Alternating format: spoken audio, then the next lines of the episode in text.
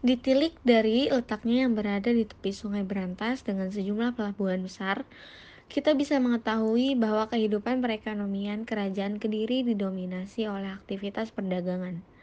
Meskipun demikian, masyarakat Kediri juga mengenal peternakan dan pertanian.